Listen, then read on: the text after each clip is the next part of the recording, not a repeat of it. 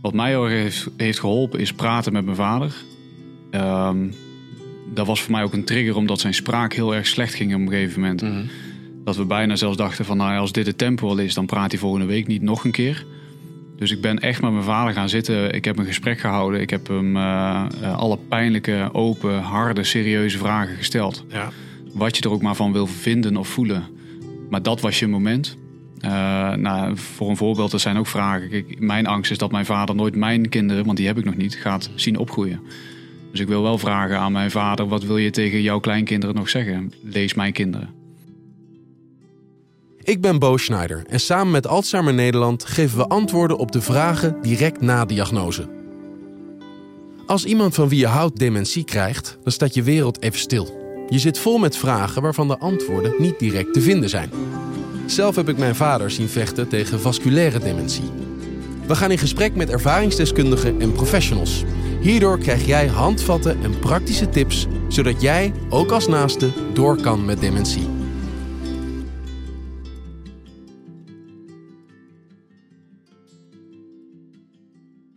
In vier afleveringen praat ik met verschillende gasten over de periode na diagnose. Zo gaan we het hebben over hoe belangrijk het is om je sociale netwerk te betrekken, waar je professionele hulp kan vinden bij het begeleiden van iemand met dementie. Maar wat veel mensen niet weten is hoe belangrijk het is om als naaste aan jezelf te blijven denken, zodat je het vol kan houden. Deze week beginnen we met het belang van het betrekken van je sociale netwerk. Voordat ik straks in gesprek ga met experts en ervaringsdeskundigen, wil ik graag weten waarom Alzheimer Nederland deze podcast wil maken. Daarom ga ik in gesprek met directeur Ger Joke. We gaan er bellen. Hi, Gioke. Dag Ger Joke, je spreekt met Bo Schneider. Dag Bo. Allereerst, eh, wat een eer dat ik dit met jullie mag maken, deze podcast. Nou, ik vind het ook heel mooi dat je dat doet. Ja. En eh, ik ben vooral benieuwd, eh, ook voor de luisteraars, waarom is het nou zo belangrijk dat we deze podcast gaan maken? Er zijn echt heel veel mensen met dementie. Zo'n eh 300.000 en eh, twee derde woont gewoon thuis. En dat kan ook dankzij eh, de naasten die voor ze zorgen. En dat zijn er zo'n 800.000. Ongelooflijk. Ja, voor alle mensen die zorgen voor iemand met dementie. Je bent dus beslist niet alleen. Ger Joke, heb jij zelf in je leven ook, eh, ook met dementie te maken gehad? Jazeker, mijn moeder had dementie. Dus Ze is nu al inmiddels zo'n kleine zes jaar overleden. Maar ik heb het dus van heel nabij meegemaakt, ja. ja. En ook, ook, ook gemerkt wat voor impact dat heeft ook op, op, op eh, iedereen eh, ja, die daarmee te maken heeft. Op mijn vader bijvoorbeeld ook. Is er nog iets wat je me mee wil geven? Want dan ga ik nu meteen van start. Ik denk dat in alle gesprekken die je gaat voeren, eh, dat daar overal iets heel waardevols in zit. En eh, ja, het, is, het, blijft natuurlijk ook een, een kwestie van, van luisteren naar mensen die er ervaring mee hebben, op wat voor manier dan ook. En daar leren we van. Ik ook nog. Altijd, elke dag weer. Mooi. Oké, dan ga ik aan de slag. En dan spreken we elkaar wellicht later. Oké, heel veel succes. Dankjewel. Tot ziens. Tot ziens. Meer feitjes zijn te vinden op www.alzheimer-nederland.nl. Goed, het belang om deze podcast te maken is mij duidelijk. Eh, ik heb zelf een vader gehad met vasculaire dementie. Eh, ik heb dat allemaal gedaan op gevoel en dat is volgens mij ook echt wel goed gekomen. Maar met terugwerkende kracht wil ik er toch nog heel graag veel meer over weten. In mijn omgeving hoor ik dat er veel verwarring is tussen de termen Alzheimer en dementie. Wat is het verschil? Ik heb het gevraagd aan Lizzie Boots. Zij is psycholoog en onderzoeker bij Alzheimer Centrum Limburg. Ja, heel veel mensen halen dat inderdaad door elkaar, hè, Ja. dementie en Alzheimer. En dementie is eigenlijk het overkoepelende begrip, het paraplubegrip. Ja. Eh, en de verzamelnaam van 50 verschillende ziektes die dementie kunnen veroorzaken. En de meest voorkomende vorm van dementie is Alzheimer. En de ziekte van Alzheimer is eigenlijk ook eh 70% van de gevallen eh, de oorzaak van dementie. En daarnaast zijn er nog andere ziekten die ook veel voorkomen, zoals bijvoorbeeld vasculaire dementie, of frontotemporale dementie of Lewy body dementie. Juist, juist. Veel verschillende soorten, ja. ja. Ik ga elke aflevering op bezoek bij een ontmoetingsplek voor mensen met dementie. En zoals je kunt horen, leeft het hier enorm. Ze kunnen hier terecht om samen te zingen, spelletjes te spelen, kunst te maken, te wandelen en nog veel meer. Fijn voor de mensen zelf en naasten hebben tijd om even op adem te komen. Voor mij een mooie plek om in gesprek te gaan met verschillende ervaringsdeskundigen. Vandaag praat ik met de broers Richard en Jeffrey Krijgsman. Bij hun vader Jan is sinds 2021 de diagnose Alzheimer vastgesteld. Broers Richard en Jeffrey Krijgsman. Fijn dat jullie even mag spreken, want het gaat om jullie vader die Alzheimer heeft. Hoe lang is het geleden dat uh, Jan eh, deze diagnose kreeg? Uh, dat was 31 maart 2021, om precies te zijn. Ja. ja. Ik werd gebeld door een leverancier die zich uh, ja, eerst verontschuldigde voor het feit dat hij belde, want hij wilde iets tegen mij gaan zeggen wat, waar hij moeite mee had. Mhm. Nou, uiteindelijk kwam het verhaal dat hij uh, vond dat papa vergeetachtig aan het worden was, dat zij wat vaker met elkaar in conflict kwamen. En hij was zijn eigen vader verloren, die man, aan uh, de ziekte Alzheimer. En hij zag dus herkenning. Hij herkende dingen, ja. Ja, hij herkende dingen van, van, uh, ja, van papa. Ik ben wel iemand die dan best wel meteen uh, daarover na gaat denken. Richard is wat nuchterder. Dus ik zei wel van kom, we stappen in de auto en we rijden die kant op. En we gaan in ieder geval dit met mama bespreken. Ja. en toen zagen we al vrij snel dat het ook op zijn werk een beetje chaotisch was. Hij uh, maakte van zijn administratie een rommeltje. Projecten liepen niet helemaal lekker meer. En dat was niks voor hem. En dan denk je natuurlijk niet per se direct aan Alzheimer. Uh, je denkt misschien gewoon wat rustiger aandoen. Nee, ja, sowieso dacht ik altijd bij Alzheimer per definitie aan oude mensen. Ja, dat zo, ja. ja dat is toch ik, wat ja. je ook, uh, Ja. natuurlijk vaker hoort. En waren er, uh, hè, want je zegt dus op het werk waren er dingen duidelijk, maar ook in jullie bezoekjes aan hem, uh, was, was, kwam daar ook al snel aan het licht dat er iets anders was? Nee, vind ik, ja, ik zelf vind van niet. Nee, ik had niet, uh, niet de typische dingen of zo waar je dan naar terugkijkt. ik weet wel dat we kort na dit gesprek uh, ging pa in een soort van ontkenning en het is niet zo en hij zag het zelf niet. Ja. Uh, hij had natuurlijk wel de diagnose of van de depressie of de burn-out dan zeg maar te pakken. Dus dan ga je daar wel op inspelen. Dus we zijn wel uh, wat rustiger aan gaan doen. Jeffrey en ik zijn gaan proberen om in het bedrijf wat bij te springen aan de achter- Mm. of voorkant. Ja. Um, waarin Jeffrey wat meer deed bijvoorbeeld met de offertes nog afhandelen. Ik wat meer deed met de klantencontacten. En zo kwamen we wel wat meer in zijn wereld terecht. Waardoor ja. we wel zagen van, nou, hij maakt wel veel grove fouten. Ja. En we merkten heel snel dat er in de communicatie, daar liep het dan ook wel heel erg mis. Want ja, we wilden dat dan uitleggen.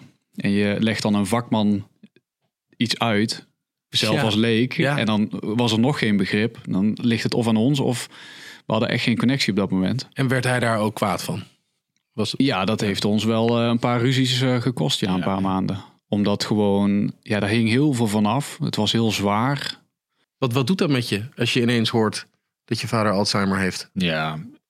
Ja, dan zeg ik, dan is het gewoon boem. Ja, ik heb daar geen beter woord voor. Nee. Het is echt een knal eh, in je gezicht en eh, Ja. de wereld staat even stil. Dus ik neem aan dat je na zo'n diagnose ook alleen maar bij je vader wil zijn, zo vaak mogelijk. Ja, ehm, kijk, wij wonen allebei op afstand. Ehm, pak een beetje 160 kilometer van waar mijn ouders wonen. Als ik voor mezelf praat, is het eerste wat er door je heen gaat. Ik wil 24 uur bij papa zijn. Ja, precies. Ja, ja, ja. Maar ik heb eh, een gezin met ja, twee dat kan gewoon simpelweg niet. Ja, ik heb een gezin met twee kleine kinderen. En de afstand en gewoon de hele situatie. En je kunt honderd keer zeggen dat je het graag zou willen. Maar Ja. het is onmogelijk. Want daar ga je zelf aan onderdoor. Maar feit is wel, ik zie hem nu sinds de ziekte wel veel vaker. Veel vaker, en ik ja. ga makkelijker voor een kopje koffie drie uur in de auto zitten. En hoe is dat voor jou dan? Waar, is dat... Ja, nou, ik ga niet zo'n gekke capriolen uithalen van twee, drie keer op een dag op en neer. Maar Nee. ja, Jeffrey zei net al, ik ben misschien iets nuchterder. Ik moet eerst even teruggaan naar wat speelt er? Mhm. Wat, is er aan de, wat is er echt aan de hand nu? Ja. Waar heb ik zelf behoefte aan? Ja. Wat zijn eventueel vragen die pap stelt of mijn moeder stelt? En ik moet eerlijk bekennen dat ik met name in de beginfase, dus vlak voor de diagnose, want je zit natuurlijk met onderzoeken, eh, je voelt al wat dingen aankomen. Jeffrey zegt, je bent niet gek, je gaat meekijken wat er gebeurt en je gaat zelf ook proberen te zoeken. De meer, me- ja, vaker dan we erheen reden was het echt omdat Jeffrey zei van ik wil die kant op. En we hadden toen Ja. een avondklok, we hadden eh, slecht weer. Tenminste, toen hadden we nog echt een witte winter. Ik ben meer de emotionele Dus- van de twee. Ja. Dus ik had heel vaak inderdaad het, eh, dat mij een heel benauwd gevoel bekroop. Ja, Oh, misschien wel een soort angst om hem kwijt te raken. Tuurlijk. Maar ik moest hem gewoon zien. Tuurlijk, ja. ja. en mijn vrouw, eh ja, credits naar haar toe, eh zal ze blij zijn als ik dat zeg. Maar zij pusht daar ook gewoon op. Want ze zegt dan ook gewoon, ze, ziet mij, ze ziet mij dan gewoon dubben, twijfelen. En dan zegt ze, ga nou maar. Dus eh, het eigenlijk is het gekke werk. Maar ja, je hebt maar één vader.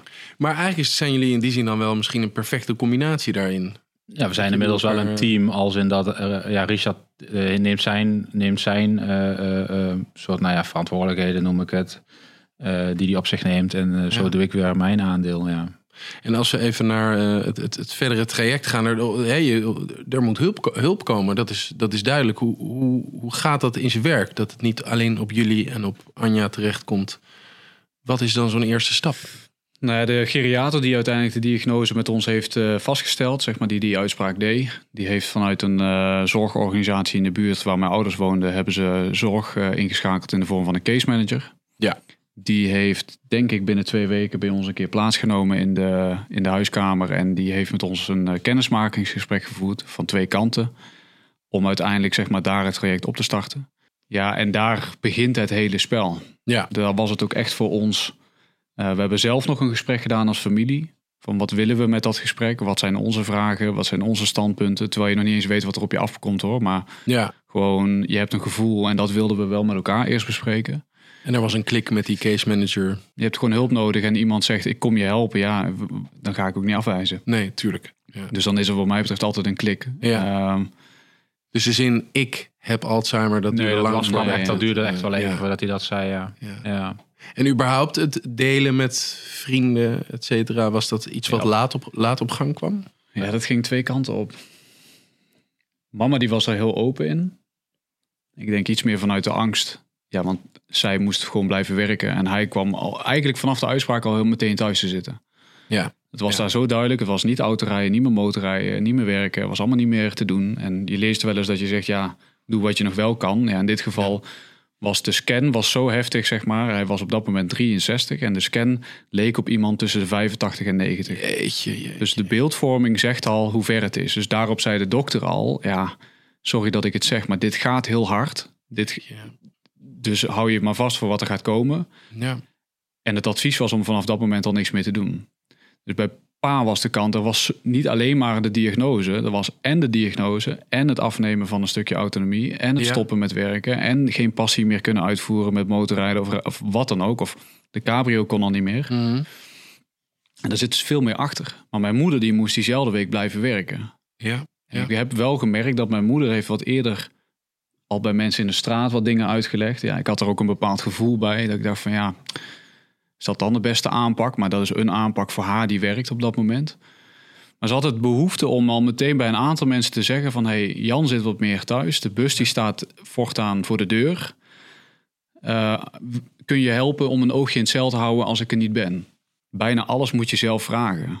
En inmiddels weet ik wel dat heel veel zorg rondom dementie... is zo regionaal, lokaal anders geregeld. Ja. Bij de ene arts krijg je een diagnose en krijg je een rugzak vol boekjes en informatie mee naar huis, Ja. letterlijk. Mhm. En bij de andere krijg je alleen de diagnose en dan is de uitgang alweer aangewezen. En dan moet je het zelf maar gaan zoeken. Ja. En wij hebben voor mijn gevoel meer dat tweede gehad. Mm, mm, mm. En dat is dus niet de schuld van, Nee. maar dat is hoe het proces daar loopt. Ja. Er is daar gewoon nog niks waarin dat anders ging. De eerste gesprekken moesten wij ook aangeven bij de case manager wat onze behoeftes waren. En ik snap Ja. dat wel. Je Maar ja, misschien weet je ook niet direct wat je behoeftes zijn. Dat lijkt me Nee, ja, ook dat lastig. was in ons geval heel erg. ja, ja. ja. Eh, vraag die heel veel mensen stellen dagelijks. Ja, natuurlijk. Ja. En meestal zeg ik gewoon van, nou ja, toen wij twee jaar geleden hoorden dat hij eh, de ziekte had, toen liep hij, liep hij en fietste hij nog zelfstandig. Mm. Eh, nu zit hij eh, in een rolstoel als hij eh, meer dan 100 meter moet afleggen Ja. en eh, hij wordt uit huis geplaatst. Ja, dat is even de hele platte reactie, maar het maakt het meest Ja. duidelijk hoe het met hem gaat. Jullie zijn namelijk in actie gekomen. Dat is misschien toch wel mooi om nog even te vertellen. Ja, dat is wel Ja. echt zo. Het is een vorm van omgaan, denk ik. Ja, We riepen, eigenlijk al vanaf kleins af aan, we gaan ooit met z'n drieën rijden. ja, ja. En op dat moment eh, dat mijn vader dus zegt van ja, maar dat kan ik toch? Nee, zegt de dokter, dat ook niet meer. En dit dan? Ja, dat eigenlijk ook niet meer. Zag ik dus ook mijn eigen droom daarin wegvallen. Voor mij hoefde al die media-aandacht niet. Eh, ook de hele samenwerking met Alzheimer Nederland. Maar wie ben ik? Want uiteindelijk hebben papa en mama daarmee ingestemd. En willen zij heel graag die, die aandacht ervoor. Het bruggetje daarmee, wat je straks ook zei. Door juist het bespreekbaar te maken. Door juist het te delen met ook vreemden, maar ook eh, vrienden. Maakt dat je heel veel steun krijgt. En nu begin ik, maar dat heeft, dat heeft ook even geduurd. Na twee jaar begin ik daar ook te zien dat het ook steun oplevert. Ook voor mijzelf. Ja. ja ik bedoel, alles wat is vastgelegd. Al het moois wat we al hebben mogen maken. Begin ik nu ook te zien als een, uh, als een herinnering straks. Voor, en een waardevol document waar je gewoon altijd nog... Eh, waar je naar terug kunt kijken. Voor je kinderen. Ja, uh, voor mijn uh, neefjes en of nichtjes misschien die nog ooit komen. weet je, dat ja... Voelt het druk. daar, is dat, ja, daar is dat allemaal terug te zien dan. Maar dat zag ik in het begin echt totaal niet zo. Dus ik raad wel aan om het als je dit meemaakt, zeg maar, juist te delen. Welke vorm dan ook. Ik bedoel, je hoeft echt niet per se eh, een cameraploeg erbij te halen, maar deel het wel gewoon met je vrienden en, uh, en familie. Ja. Hoe kwetsbaar het ook is. En ik denk dat, ik, dat ik mezelf daardoor heb laten sturen. En ik weet zelf vanuit mijn eigen ervaringen hoe belangrijk het inderdaad is om je trauma's of je klappen of je negatieve dingen, om daarover te blijven praten. Om ook door het verhaal keer op keer te doen, gaat er ook iets wat meer emotie een plek krijgen. Absoluut. En uh, hoef je niet meer zoals bij de eerste keren in huilen uit te barsten als je zegt je vader is ziek. Ja. Inmiddels uh, kunnen we daar al heel lang ook gewoon grappen over maken en gewoon mee doorgaan, want het is er. Absoluut. Nee, ik herken dat zelf ook heel erg met uh, de ziekte van mijn moeder destijds, maar ook tijdens de laatste fase van mijn vader. Ik, vond dat, ik vind dat nu nog steeds fijn. Ze zijn er niet meer. Ze zijn inmiddels overleden. Maar ik, het er gewoon veel over ze te hebben, dat is zoveel prettiger dan er niet over te kunnen praten. Ja. Dus uh, daar ben ik ook blij voor jullie dat dat uh, wel lukt. En ik snap ook zo goed wat jij net zegt, dat iedereen is er ook gewoon anders in. Ik snap zo goed dat je denkt, waarom moet ik dit, waarom moet dit met de camera's en waarom moet dit besproken worden? Ik, ik heb dat nog steeds als mensen dan een, een interview aanvraag bij me neerleggen over mijn vader en over zijn laatste periode. Eerste reacties hakken, hakken in het zand, nee. En als ik dat dan eenmaal gedaan heb, dan merk ik dat ik opgelucht ben. Dus, maar ja, alles is natuurlijk uh, goed daarin, ja. hoe je daarop reageert. Wat weet je nu wat je graag in het begin had willen weten? Is, zou er iets zijn dat je dacht, nou als ik dat nou net na de diagnose eerder door had gehad? Oeh, dat is een goeie is natuurlijk ook een lastige vraag. Maar er zijn misschien had ik wel willen weten. Misschien had ik wel uh, willen weten dat het zo hard ging. Ja, ja. Maar dat gaat nooit iemand tegen je kunnen vertellen. Omdat dat per individu ook verschilt natuurlijk. Ja, en als ik het mag geloven, zeggen experts en uh, andere medici die uh, papa volgen ook dat ze verbaasd zijn over het feit hoe hard het gaat. Ja. Maar nadat je het nieuws verwerkt hebt, uh, denk je op een gegeven moment ook wel weer van... Uh, ach, weet je, we genieten van elkaar. Ik hoor het, jaar, of ik hoor het getal acht nog zeggen door de, door de arts. Hè. Gemiddeld is het acht jaar ja. vanaf het moment dat ik dit nu zeg tegen jullie... tot aan het moment dat hij echt helemaal afhankelijk is in een verzorgingstehuis. Nou ja, maak er maar twee uh, van. Ja. En met, het, met dat cijfer acht denk je op dat moment... oh, dat maken we acht mooie jaren van. Dus uh, ja, het is allemaal heel cliché. Maar als je het hoort, uh, moet je er dubbel wat van proberen te maken. Mooi. Uh, de, de, er zullen ongetwijfeld mensen zijn die nu luisteren... die net gehoord hebben dat een vader of een moeder Alzheimer heeft. ongelooflijk veel vragen hebben. wat moet ik doen? Waar gaat dit heen?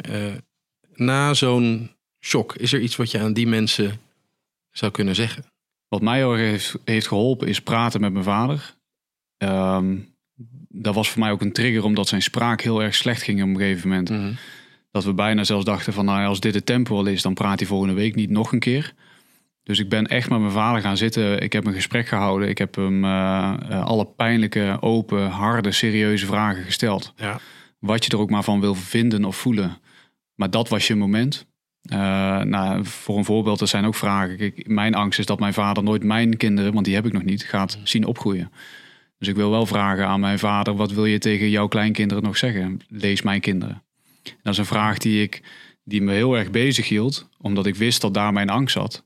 En daar hebben we over kunnen spreken. Ja. Dus ik heb iets voor op het moment dat die angst komt. En wat ik anderen ook daarna nog heel veel aangeef, is denk gewoon goed na over de rolverdeling die je wilt.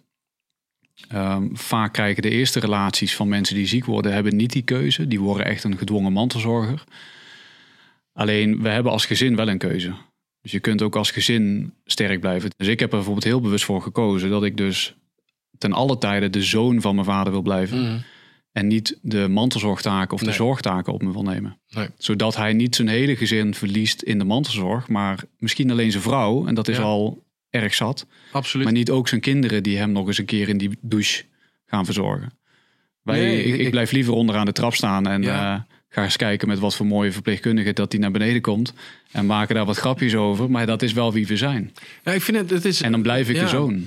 Ja. Maar je moet, daar, je moet daar wel opkomen. Die gedachten moeten in je, Ja. in je opkomen. Dus ik Nou ja. denk dat het heel erg goed is om dit inderdaad Het heeft te mij tot nu toe heel erg Ja. veel eh houvast gegeven. Ja, Ja, misschien nog wel, want dat schiet me nu gewoon ook te binnen. Ehm, blijf je eh, vader, moeder of eh, je dierbare, hè, want het kan natuurlijk ook iemand anders zijn, ehm, blijf die knuffelen. Ja. Want ze voelen wel. dat, eh, zo heb ik dat ook ervaren met mijn vader. Dat, ehm, nou, ik herken dat gewoon heel erg wat je zegt. Dat je iemand moet aanraken. Dat dat echt heel belangrijk is. Ik heb dat eh, intuïtief ook inderdaad heel veel gedaan. Maar nu je dit zegt, denk ik, oh ja, misschien Je doet het, je doet het. als de ziekte er niet is, doe je het, vind ik, opvallend minder. Ja, En nu eh, ja, knuffelen we wat af. want dan hoeft er niets gezegd te worden. Nee. Je houdt elkaar vast Ja. en dat is vertrouwd. Ja. En heel belangrijk, ja. Dank jullie wel. Graag gedaan. Ik vond het vooral ongelooflijk mooi om te zien hoe close die twee broers zijn. Ik heb zelf ook een hele sterke band met mijn broer. En ik had er echt niet aan moeten denken om, eh, om afscheid te nemen van mijn ouders eh, alleen. Ik, ik vind het, ja, ik vond het bijzonder om die twee eh, mannen zo samen te zien. Eh, ik, ik vond het ongelooflijk mooi dat Richard op het idee kwam om aan zijn vader te vragen wat hij tegen zijn toekomstige kleinkinderen zou zeggen. Dat je daar überhaupt opkomt om dat te doen, om, om zo'n document te willen maken. En natuurlijk het blijven communiceren, dat is iets waar, waar ze steeds weer op terugkomen. En door te blijven praten verdwijnen die scherpe randjes. En, en wo- wordt de situatie toch wat draaglijker. Hè? Om, om niet meer elke keer in die volle emotie te hoeven schieten. En het laatste wat, wat me ook echt raakte is, is blijf fysiek met je naaste met dementie. Blijf knuffelen. Ik vond dat echt heel bijzonder toen hij dat zei. Het, het, het, knuffelen, het aanraken is een vorm van communicatie dat ook ver nadat de spraak het laat afweten intact blijft. Ja, ja dat, dat, dat vond ik echt eh, heel ontroerend. Een waardevol gesprek. Je ziet dat die twee broers er allebei op een hele andere manier in staan. Dat is volgens mij ook heel goed. Ze vullen elkaar op, op die manier aan. Het is niet, er is niet een goede of een foute manier. Richard had blijkbaar heel erg behoefte aan de nuchtere aanpak. Wat moet er gebeuren, concreet? En je zag dat Jeffrey ook gewoon zijn emoties eh, volgde en, en bij zijn vader wilde zijn. Dus een mooi balans wat mij betreft. Ik praat weer verder met Lizzie Boots. Ik ben namelijk heel benieuwd wat haar ervaring is vanuit haar onderzoek over het onderwerp het betrekken van je sociale netwerk. Wat ziet zij in de praktijk en wat adviseert zij mensen hierin? Lizzie, zou je jezelf even voor willen stellen en vertellen waar je onderzoek naar doet?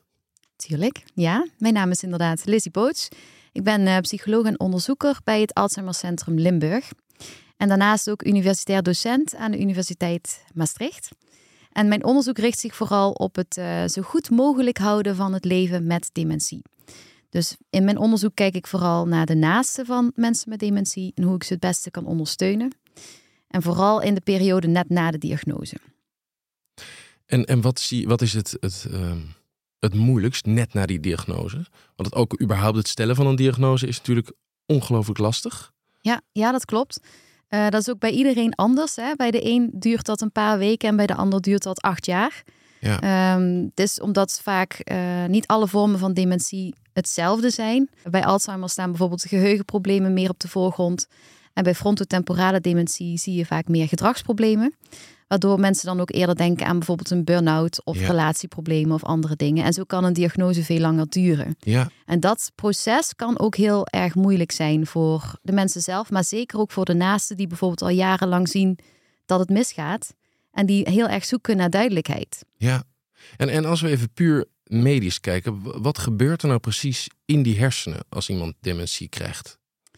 Ja, in de hersenen zien we dat eh, de zenuwcellen eigenlijk kapot gaan Mhm. en ook de verbindingen tussen de zenuwcellen. Dus dat de hersenen minder goed met elkaar kunnen communiceren. En dat zorgt er dan voor dat mensen minder goed kunnen denken. Ja. Dan kun je dus denken aan het geheugen, maar ook bijvoorbeeld begrip van dingen. Dat je niet meer weet dat een tafel een tafel is. Dat je je niet meer goed kan concentreren. Of dat je aandacht minder wordt.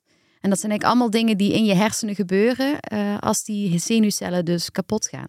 En mijn vader had dan vasculaire dementie. Daar zijn ze achter gekomen na zijn herseninfarct in 2019. Want daarvoor dachten we, ja, hij is op leeftijd. En het is ook eigenlijk pas als je het weet dat je daar een soort berusting in kan vinden. En dat je op een andere manier ook met iemand om gaat gaan. En iemand minder gaat corrigeren. Ja.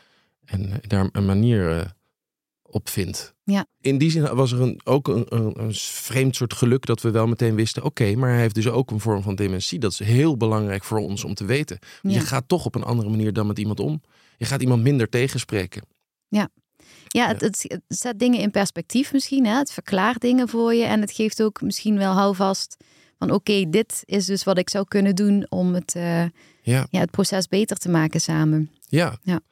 Nou, je doet dat inderdaad eh, samen. Überhaupt de hulp. Eh, een sociaal netwerk is ongelooflijk belangrijk, lijkt mij. Voor mensen met dementie en, en hun families. Ja.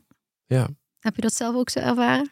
Ik, eh, ja, absoluut. Nee, en, en natuurlijk. eh, De, de zorg kwam het meest terecht op mijn stiefmoeder, de vrouw Ja. van mijn vader.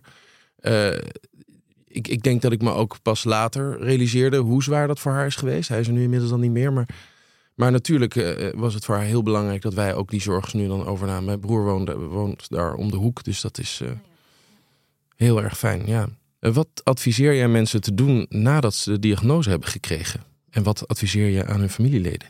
Ja, het is een goede vraag, omdat het natuurlijk niet voor iedereen hetzelfde is. Er is geen one size fits all advies voor iedereen. Maar er zijn wel een paar dingen die we uit het onderzoek hebben gehaald, eh, die we graag mensen willen meegeven. Ehm, en het eerste is eigenlijk openheid over de diagnose.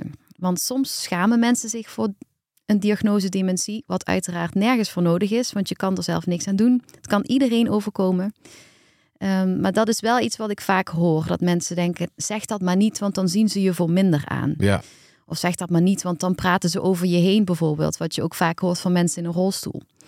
Dus wat ik mensen probeer eh, mee te geven is om open te zijn over de diagnose. eh, zodat mensen om je heen ook begrijpen wat er aan de hand is. Nou ja, het is natuurlijk ook lastig dat eh, de- zowel de naaste als degene met dementie moeten daar ook samen uitkomen. Hoe gaan we dat delen? Gaan we dat meteen delen? Ja, ja. Hoe voorzichtig zijn we daarin? Daar moet je ook over op één lijn liggen.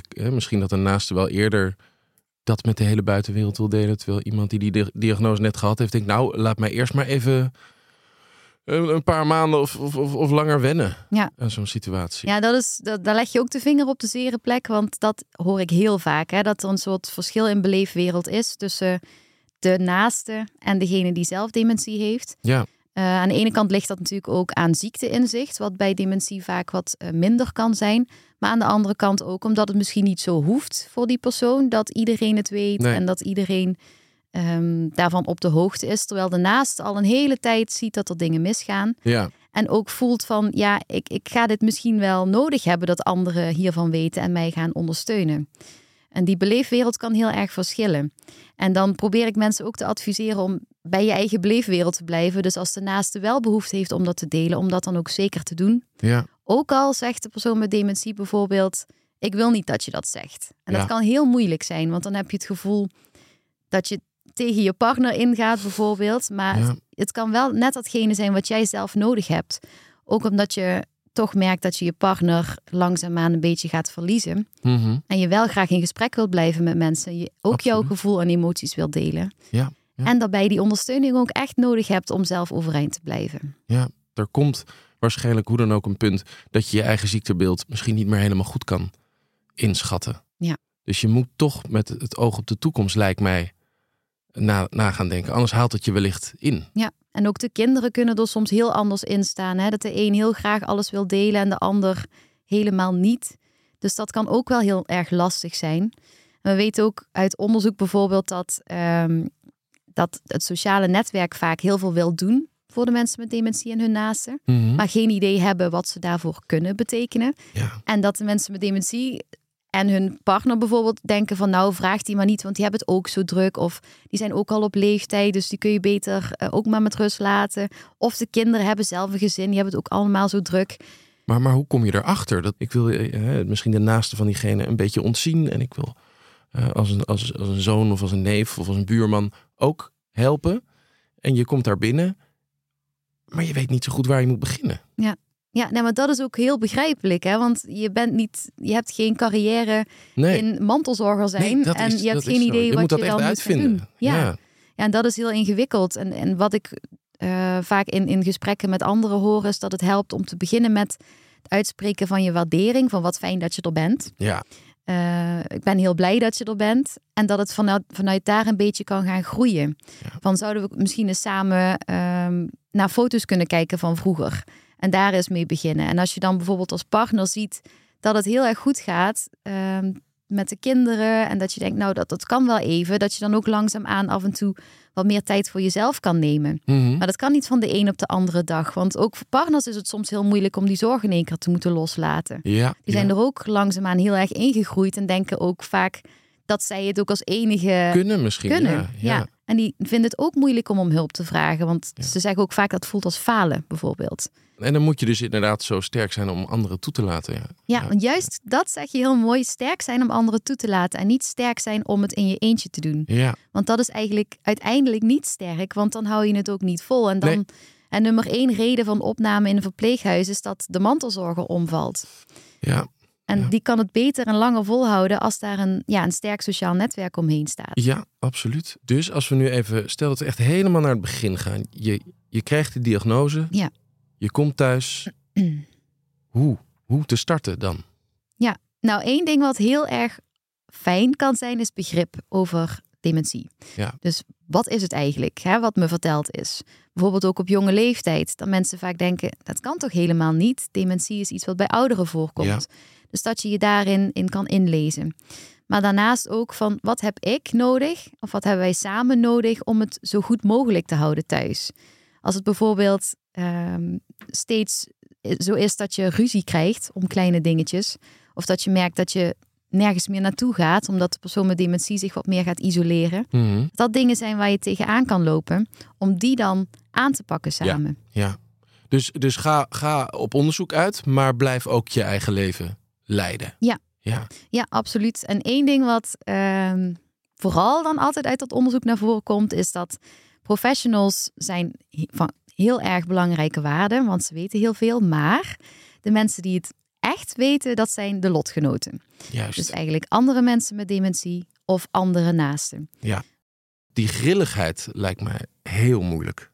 Dat heb jij natuurlijk vooral gezien bij vasculaire dementie, denk ik. Want dat is Ja, daar een ja. van de tekenen van. eh, die grilligheid van het beeld. Mhm. Dus dat je de ene dag denkt, dit gaat echt de verkeerde kant op. En de dag daarna denk je, nou, dat was eigenlijk weer een hele fijne, goede Sterker dag. nog, ik heb het, we hadden het met hem zelfs op de dag zelf. Als het buiten ging schemeren, zo letterlijk was het, ging het bij hem ook schemeren. Dat, dat kon je gewoon zien gebeuren. Ja. Dan was de interne batterij was op. En dan ja, raakte hij verstrikt in zijn eigen woorden. En, en de logica verdween. Dat is een heel herkenbaar moment. Sundowning noemen ze dat eigenlijk. Als, oh, wauw. de- dit heeft echt... Dit, ja, oh, ja, dat dit wist is ik een niet. term die ook... eh, ik heb ook een tijdje in het verpleeghuis gewerkt als psycholoog. En daar was dat een eh, heel bekend fenomeen. Sundowning, Sundowning, dan ging het mis, zeg maar. Dus dan wisten we ook, oké, eh, geen bezoek. Hou het rustig, hou het voorspelbaar. Geen moeilijke vragen gaan stellen. Ga niet mensen bij elkaar zetten die mogelijk conflicten kunnen krijgen met elkaar. Ja, En zorg voor fijne, rustige omgevingen, rustige momenten, zoals muziek waar mensen gelukkig van worden. Dus echt een, eh, wetenschappelijk eh, eh, aangetoond effect, zeg maar, Wauw. sundowning. Dus dat dat echt ehm, mensen in de war kan maken. Inderdaad ook dat de energie op is wel ook hoor. ja, Maar ook dat je dus dat dag-nachtritme, je hebt dat nodig ook, dat licht, ja, om ja, je energie te voelen. En als dat licht dan weggaat, dan zakt die energie nog verder weg. ja. En kan ook wat meer die verwachtheid op de voorgrond komen staan. Hoe, hoe organiseer je dat? Dat je het, juiste team om, om, ja, om de patiënt heen bouwt? Ja, dat is een, eh, een goede vraag. Eh, dat is ook denk ik ook voor iedereen anders. Het belangrijke is om mensen in je cirkel te hebben die jou begrijpen. Die weten wat het is en die er ook voor jou kunnen zijn. Dus als je eerst naar je eigen persoonlijke cirkel kijkt, van welke mensen geven jou echt energie, eh, kunnen je ook letterlijk helpen. Dus daar eerst naar te kijken. Daarnaast ook bijvoorbeeld een case manager dementie aan te vragen via je huisarts als je die niet al hebt gekregen. Want dat is net zo'n spil in het web die je kan helpen met al die verschillende zorginstanties eromheen organiseren. Ja, ja. Nou, en je kan je voorstellen dat binnen een gezin of binnen een familie, hè, dan stel je zo'n vraag makkelijker. Ja. Maar als die niet in je buurt zijn, moet je wel- wellicht ook goede vrienden gaan benaderen. Dat vragen, dat voor het eerst vragen, lijkt me ook heel moeilijk. Dat is ook heel moeilijk. En daarin is ook het advies om niet alleen met een hulpvraag naar mensen te gaan, maar vooral mensen dicht bij je te houden met ook de fijne dingen. Dus hou Ja. mensen op de hoogte. Ja. Maar juist ook die sociale dingen waarbij je geen vraag stelt, maar waarbij je gewoon Er bent. onder de mensen ja, bent. Ja, ja. eh, of bij je eigen vereniging weer bent, om die vooral ook te blijven doen. Want die zorgen ervoor dat de batterij van de naaste ook vol blijft of weer opnieuw mag opladen. ja. Maar je kan het eigenlijk helemaal niet fout doen Nee, nee. door er te zijn, door gewoon een hand op de arm van de ander te leggen. Ja. En door bijvoorbeeld te zeggen: God, het is toch ook echt niks, hè? niet niks hè, wat je is Nee, overkomen. Dan ben je al van goud, van gouden Ja. waarde, zeg maar. Ja, het belangrijke van onderzoek doen is dat die inzichten die je allemaal hebt opgedaan, dat die terugkomen bij de mensen waar je het voor doet. Dus we doen het samen met de mensen, maar ook voor de mensen. Ja. Dus iets wat bijvoorbeeld uit zo'n onderzoek is gekomen, is zo'n programma, zo'n online programma maken. Dat heet dan Partner in Balans. ja. En dat ge- geven we dan ook via de case managers weer terug aan de partners van mensen met dementie. Zodat ze juist die inzichten ook weer allemaal zelf kunnen opdoen. En daar hopelijk ook eh, ja, langer van in balans kunnen blijven. Ehm, een voorbeeld is een meneer die altijd samen met zijn eh echtgenote goede tijden, slechte tijden keek. Mhm. En dat was hun momentje samen, altijd om acht uur s'avonds volgens mij. Maar Mij ook, ja. omdat dat heel. eh, ja, oh, ja, volgens mij ben je ook van goed en slecht. Sorry. Eh, en ehm, dat, dat was te laat. Zeg maar. Dan waren ze Mhm. gewoon heel erg moe. Ja, En vooral zijn echtgenote was dan heel erg moe. Dus zij Ja. stond steeds vaker op. En ze liep dan weg. Mhm. En hij gaf aan, ja, dat hele, de hele gezelligheid thuis is weg. Hè? We kijken niks meer samen. We spreken eigenlijk, we hebben het nergens meer over. Ehm, ja, het, het is niet meer gezellig thuis. En Mhm. in dat programma met een coach werd dan gekeken van waar lag het dan precies aan. En we hebben het dan teruggebracht naar dat kleine momentje. Samen goede tijden, slechte tijden kijken om acht uur s'avonds. Ja, ja, ja. Dat lukt niet meer. Wat zou dan wel lukken? Het opnemen en het 's morgens vroeg om zeven uur ja kijken. tuurlijk. Ja, zo simpel kan het dan zijn. Ja, Ja. ja. En het werd dan wel zo'n tien keer teruggespoeld. Eh, maar dat vond hij helemaal niet erg, want ze hadden hun momentje samen. terug. ja, ja, ja. En vooral die tips van lotgenoten, dat geven ze ook aan. Dat is ontzettend waardevol. Mooi. En, en nog één keer, hoe heet dit programma? Partner in balans. Partner in balans. Ja. Ja, en de ontwikkeling van Partner in Balans, eh, dat is ook mede gefinancierd door Alzheimer Nederland. Dus dat is echt een onderzoek wat door hun eh, mede mogelijk is gemaakt. Goed. Lizzie Boots, dankjewel. Eh ik ben weer een stuk wijzer geworden. En eh, dank voor je komst naar de studio. Jij ook bedankt. Het fenomeen sundowning, daar zit ik nog wel echt over na te denken. Ik vind het bizar dat zoiets bestaat, dat het letterlijk is wat ik met mijn vader heb ervaren. Is, ik ik dacht namelijk dat dat iets heel specifieks van hem was, maar het blijkt dus iets te zijn waar veel, eh, veel mensen met een vorm van dementie eh, tegenaan lopen. Eh, ik vond het een heel waardevol gesprek. Eh, ja, eh, het gaat vooral om het, om het durven toe te laten van die hulp van buitenaf. En zorgen dat je als mantelzorger echt overeind blijft, goed voor jezelf blijft zorgen. Wat zijn je eigen behoeftes als mantelzorger? Blijf tijd voor jezelf vrijmaken. Blijf de dingen doen waar je energie van krijgt. En ook heel belangrijk, als iemand je wil helpen, hoe klein het ook is, spreek je waardering uit. Dat is voor jezelf fijn en natuurlijk ook voor degene die, die, die helpt. Eh, Het praten met lotgenoten natuurlijk ongelooflijk belangrijk. Zowel voor de patiënt als voor de mantelzorger. Probeer het niet alleen te doen. Dat is gewoon echt veel te zwaar. Zowel online als fysiek kunnen lotgenoten elkaar treffen. Denk aan het Odense Huis, Alzheimer Café, maar dus ook via dementie.nl. 1 op de vijf mensen krijgt te maken met dementie. Ook deze man, die iedereen met zijn kunsten weet te verbazen en verwarren. Hans Klok. Hij heeft een waardevolle tip die hij graag met jou wil delen. Lieve mensen, iedereen heeft te maken met dementie en Alzheimer. Ook ik, mijn moeder had Alzheimer. Ehm, de fout die ik in het begin maakte, ik maakte haar leven tot één grote quiz. Dan zei ik, mama, wat is het vandaag? En dan was het dinsdag, maar mijn moeder zei zaterdag. En zei ik, nee mama, het is niet zaterdag, het is dinsdag. Ehm, de huisarts heeft gezegd, Hans, hou ermee op. Als het dinsdag is, ook al is het zaterdag, dan is het gewoon dinsdag. Ga een beetje in de mensen mee die Alzheimer of dementie hebben, of welke vorm daarvan ook. Want je maakt het leven voor hun één grote quiz. En dan worden ze eigenlijk alleen maar angstig. Want je confronteert ze de hele tijd met dat ze dingen niet meer weten, dat ze zich niet meer herinneren. Dus ga gewoon mee in het leven van een Alzheimer of een dementie, iemand met dementie. Ga gewoon mee in hun leven en steun ze en wees lief voor ze. En als het heel erg wordt, en dat was bij mijn moeder ook op het eind, en dan praat ze niet meer zoveel, raak ze aan. Hou hun handen vast, ga naast ze zitten, sla een arm om ze heen. Dat doet hun goed. In deze eerste aflevering hebben we het gehad over het betrekken van je sociale netwerk. Graag wil ik Richard en Jeffrey Krijgsman, Lizzie Boots, Hans Klok, Alzheimer Nederland, maar ook vooral jullie bedanken voor het luisteren. In de volgende aflevering gaan we het hebben over hoe je professionele hulp kunt vinden direct na diagnose. Samen gaan we door met dementie. De Dementielijn biedt zeven dagen per week een luisterend oor en geeft je advies bij het omgaan met dementie. De Dementielijn is bereikbaar via het gratis telefoonnummer 0800 5088. Heb je nog vragen? Meer info vind je op dementie.nl, het platform van Alzheimer Nederland voor iedereen die leeft met dementie.